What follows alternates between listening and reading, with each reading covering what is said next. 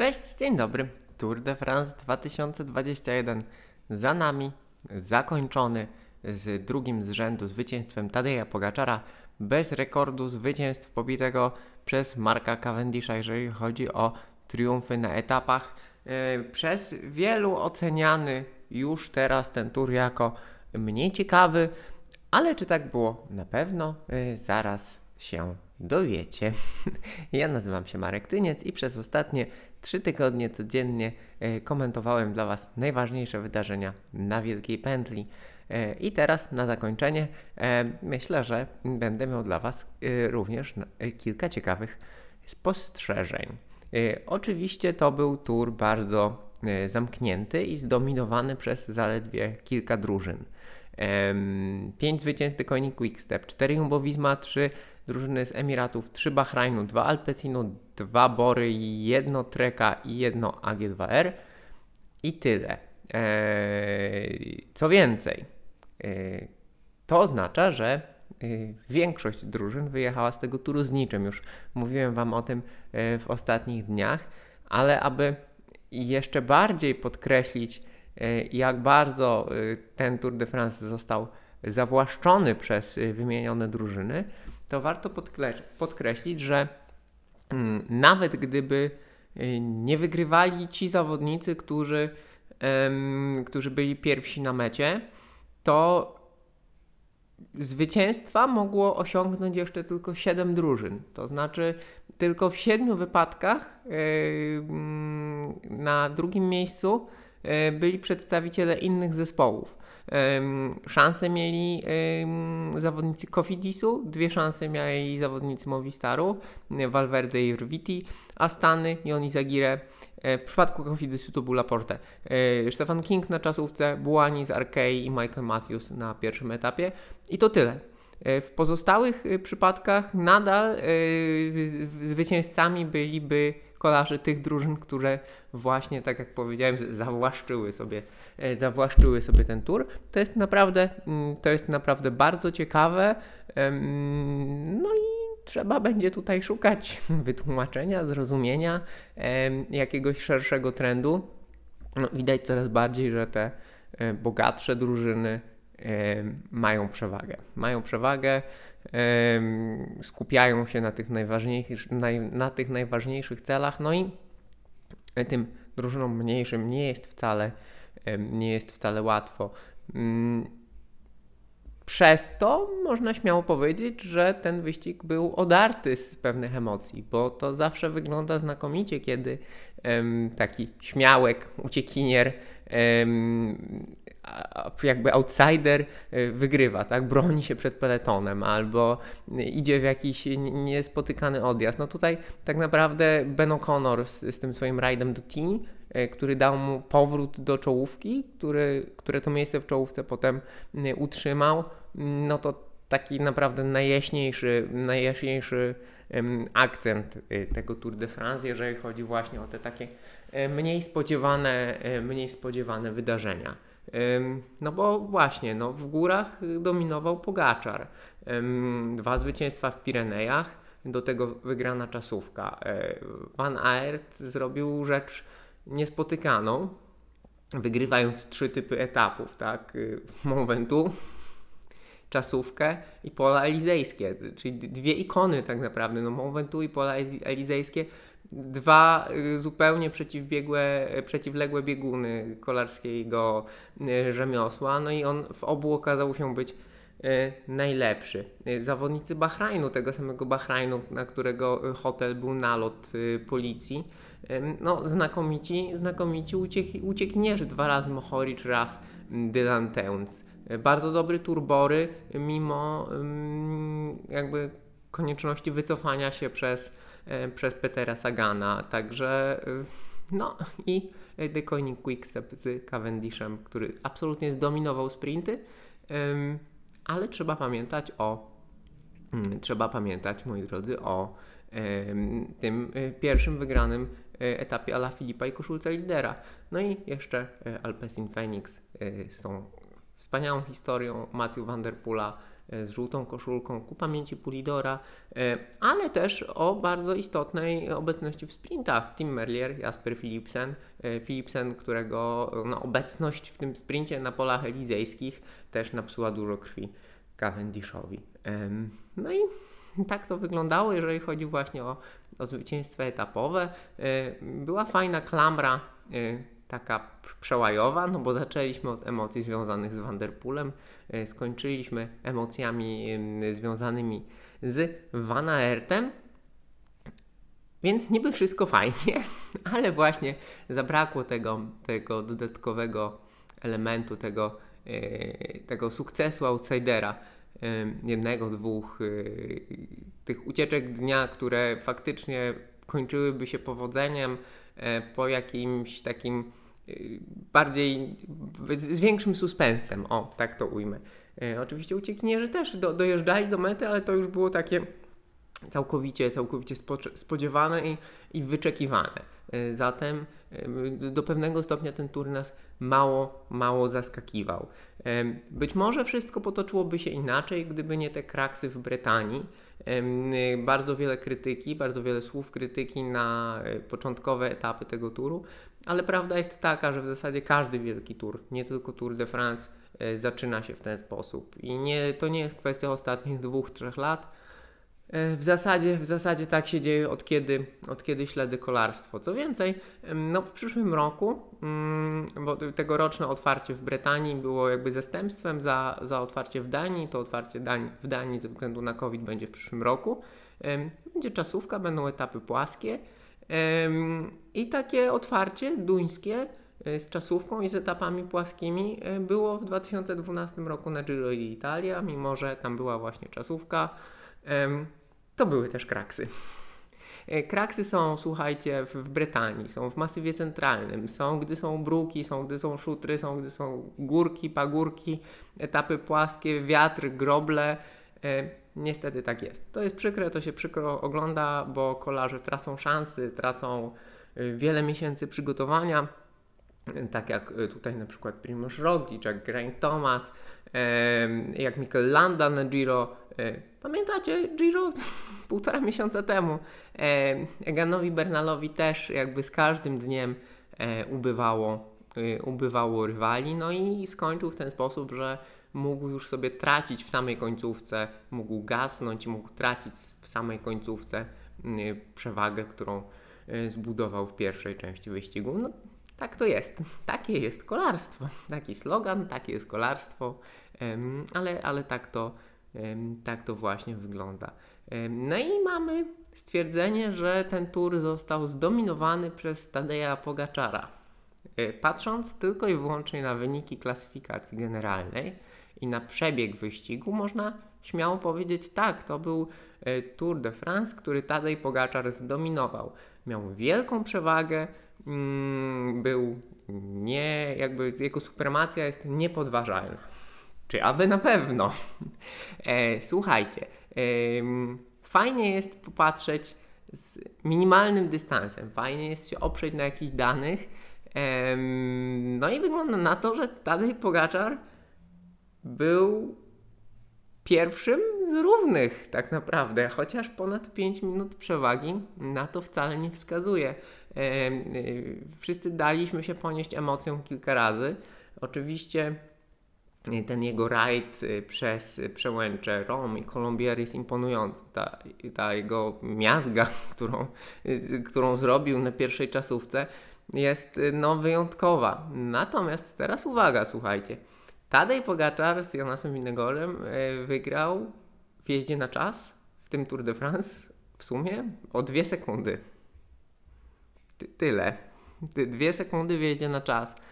Inegor, który jakby no, był tym rezerwowym liderem zupełnie, miał być pomocnikiem Primorza Roglicza. Primoz Roglic wypadł. Inegor był od początku, kiedy Pogaczar ścigał się z Rogliczem w Brytanii na, na tych górkach, o sekundy bonifikat i o miejsca na mecie i tak naprawdę oni dwaj, Pogaczar i Roglic byli ponad resztą na tych krótkich podjazdach w Brytanii.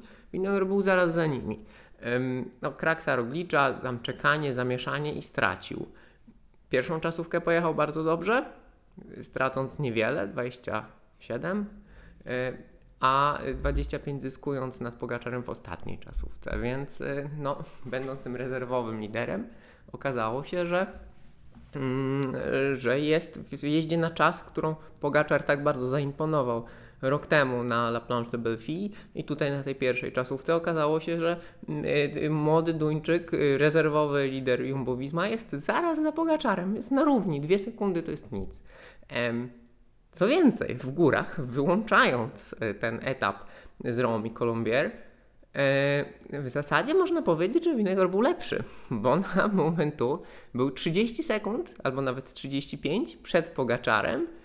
Pireneje przejechali w zasadzie na remis. Pogaczar oczywiście finiszował, finiszował, więc jakby wystawiał koło, był lepszy, był bardziej dynamiczny. Można powiedzieć, że on nie musiał em, atakować po raz kolejny i na momentu e, i w Pirenejach nie musiał jakby powtarzać tego, co zrobił w Alpach, bo w Alpach był E, na, w Tini zdobył przewagę faktycznie. E, to był taki pokaz jego mocy. Mm, natomiast no, największym pokazem mocy był ten niesamowity rajd przez przełęcze Rom i Colombier. E, no, Tin jest trudno oszacować ze względu na to, że po pierwsze ten podjazd nie jest bardzo stromy, on nie ma jakiejś takiej bardzo wyraźnej części do pomiaru, więc tam te, te dane są zaniżone, tak?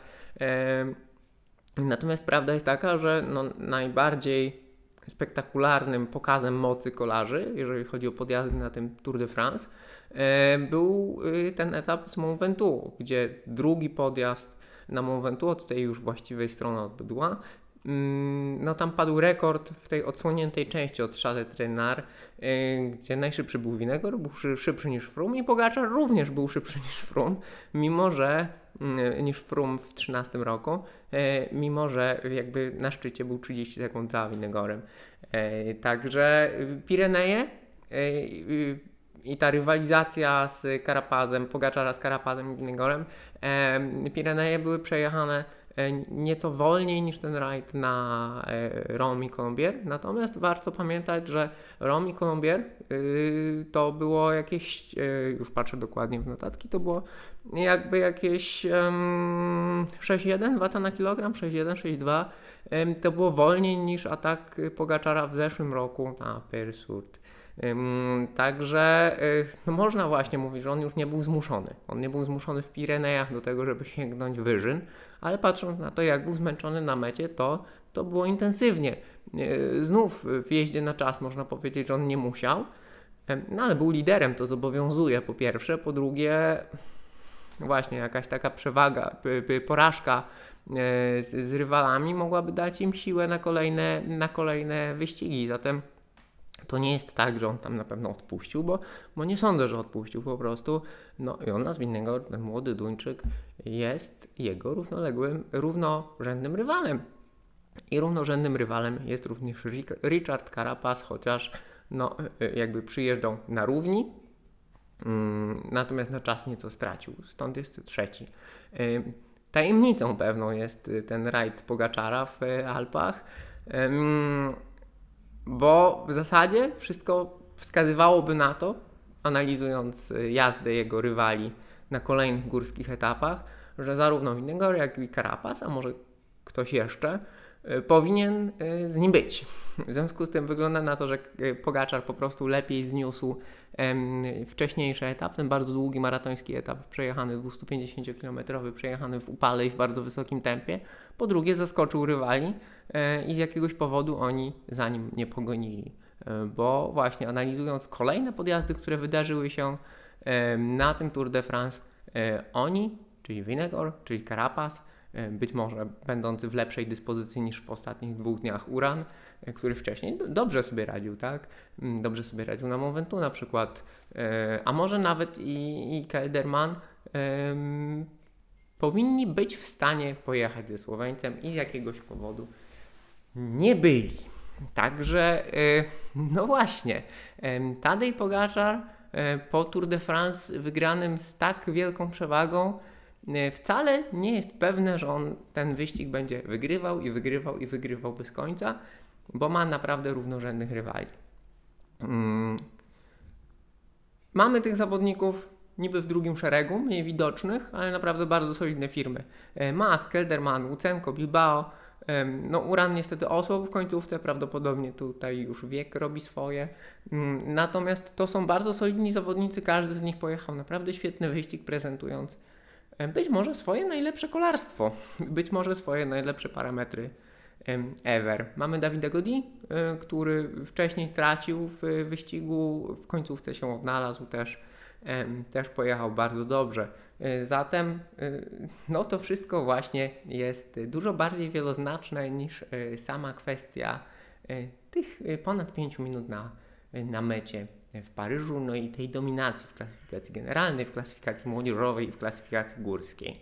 No i teraz a propos, a propos tych klasyfikacji, no to klasyfikacja młodzieżowa, być może trzeba ją, trzeba ją przemyśleć, tak? Może trzeba faktycznie ją obniżyć do, do 23, a nie do 25 lat, może albo zlikwidować na jakiś czas, a może nie wiem, może jakoś inaczej punktować, trudno powiedzieć. Albo to może e, należy wrócić znów do e, koncepcji, że e, ma to być klasyfikacja nie dla najmłodszego, a dla, debi dla debiutanta, bo o ile się nie mylę, to też w przeszłości tak to wyglądało, albo dla debiutanta do jakiegoś wieku w ogóle. Natomiast jeżeli chodzi o klasyfikację górską, no to tak, Tadej Pogaczar najlepiej jeździł po górach. Zdominował Alpy, zdominował Pireneje, więc jest najlepszym góralem. Natomiast trzeba pamiętać, że e, w tym roku oczywiście zieloną koszulkę i klasyfikację punktową faktycznie wygrał najlepszy ze sprinterów, który dojechał do mety. Cztery wygrane etapowe Marka Cavendisha wskazują, że był najlep- po prostu był najlepszym sprinterem w tegorocznym Tour de France. Natomiast bardzo często po prostu klasyfikacja punktowa była e, dla zawodnika, który jest najbardziej regularny na finiszach i na premiach lotnych. I to bardzo ubarwiało rywalizację w, w minionych latach. Zresztą nawet w tym roku ta pogoń Michaela Matthewsa i liczenie na to, że się uda um, i, i, że coś tam się wydarzy, że będzie mógł założyć zieloną koszulkę w Paryżu, to było ciekawe. Yy, I jakby klasyfikacja górska też powinna troszkę iść w tę stronę. Oczywiście dla sponsorów y, to klasyfikacji górskiej to nie wygląda dobrze, no, gdy lider klasyfikacji górskiej gdzieś e, jakby jedzie z tyłu i odpada na, e, na przykład na finałowych podjazdach, ale z drugiej strony to też nie wygląda dobrze, kiedy tak naprawdę no, e, w kluczowych momentach wyścigów koszulce nie jedzie lider, tylko jedzie widzelider, tak jak to ma miejsce, jak to miało miejsce przez praktycznie cały wyścig w klasyfikacji młodzieżowej, no i w, samej końcówce, jeżeli chodzi o klasyfikację górską. Wydawało się, że ta klasyfikacja górska i rywalizacja o koszulce, koszulkę w grochy będzie bardziej ekscytująca, no ale ostatecznie mm, jakby Poelsowi i jego rywalom y, w klasyfikacji górskiej e, brakło sił, mimo że Poels jakby próbował się bronić przed przed Pogaczarem. No i tak to wygląda, tak to wygląda, już zbliżamy się do końca. O dominacji Cavendisha wspomniałem, e, wspaniały comeback, mówiłem o tym wielokrotnie, więc teraz już krótko. Wspaniały comeback, e, jeden ze wspanialszych comebacków w świecie sportu. On jeszcze 4 tygodnie temu w ogóle nie myślał, że tutaj będzie. Ma cztery etapy, ma zieloną koszulkę, wyrównał rekord Merksa. Nie wiadomo, czy on go pobije, czy w ogóle dostanie taką szansę. E, zrobił coś e, wyjątkowego. Było mu łatwiej, bo tak jak e, Pogaczarowi rywale się wykruszali, bardzo szybko odpadł prawdopodobnie najlepszy sprinter obecnie w zawodowym peletonie, czyli Caleb Ewan. Sama Beneta, wewnętrznego rywala w Quickstepie nie było. No i mógł, mógł robić co chce Cavendish, ale starczyło mu tylko do tak naprawdę do dwóch trzecich, dwóch trzecich turu. No i co? No i mamy Igrzyska Olimpijskie. Igrzyska Olimpijskie za chwilkę, gdzie będziemy mieli mieszankę e, zawodników, którzy przygotowywali się do Igrzysk na Tour de France albo wykorzystają na Igrzyskach formę z Tour de France i tych, którzy trenowali w odosobnieniu. To będzie ciekawa konfrontacja, szczególnie w przypadku jazdy na czas. To będzie konfrontacja, jeżeli chodzi o wyścig ze startu wspólnego górali, klasykowców. W związku z tym rozwiązania w stylu Lierz-Baston-Lierz e, są mile widziane bardzo ciekawy wyścig, bardzo ciekawe również wyścigi kobiece, bardzo ciekawie się zapowiadają. No i mamy te wszystkie tematy napoczęte w czasie tegorocznego turu, czyli co dalej z Pogaczarem, co dalej z Winegorzem, jak rywalizacja z Bernalem, kiedy i czy i jak wróci Roglic, e, no i jakie tempo e, pokażą zawodnicy na Vuelcie, bo okazuje się, że tegoroczne Giro d'Italia, jeżeli chodzi o e, tempo podjazdów i moc zawodników, było na tym samym poziomie co Tour de France, a momentami mocniejsze, a to się bardzo rzadko zdarza. No i moi drodzy, to tyle. E, Bardzo chciałbym Wam wszystkim podziękować za e, wspólne uczestnictwo, kibicowanie. To było świetne.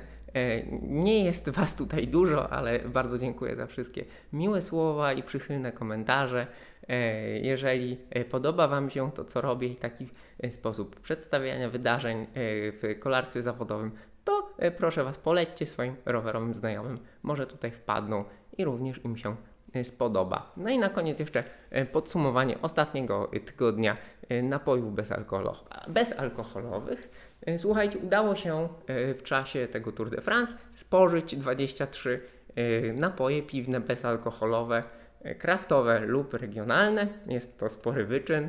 No i ostatni tydzień to były, już patrzę na listę, to były wędzony Schlenkerla Hansa z Bambergu, e, Funky Fluid Tropical Smoothie, Malt Garden Free Sunset IPA, Litower, czer, czer, Czarny Citron, Brudok Punk AF IPA i 1 na 100. Także słuchajcie, latem, e, jeżeli ktoś chce się nawadniać, mineralizować, to piwa bezalkoholowe, niekoniecznie koncernowe. Bardzo wszystkim serdecznie polecam.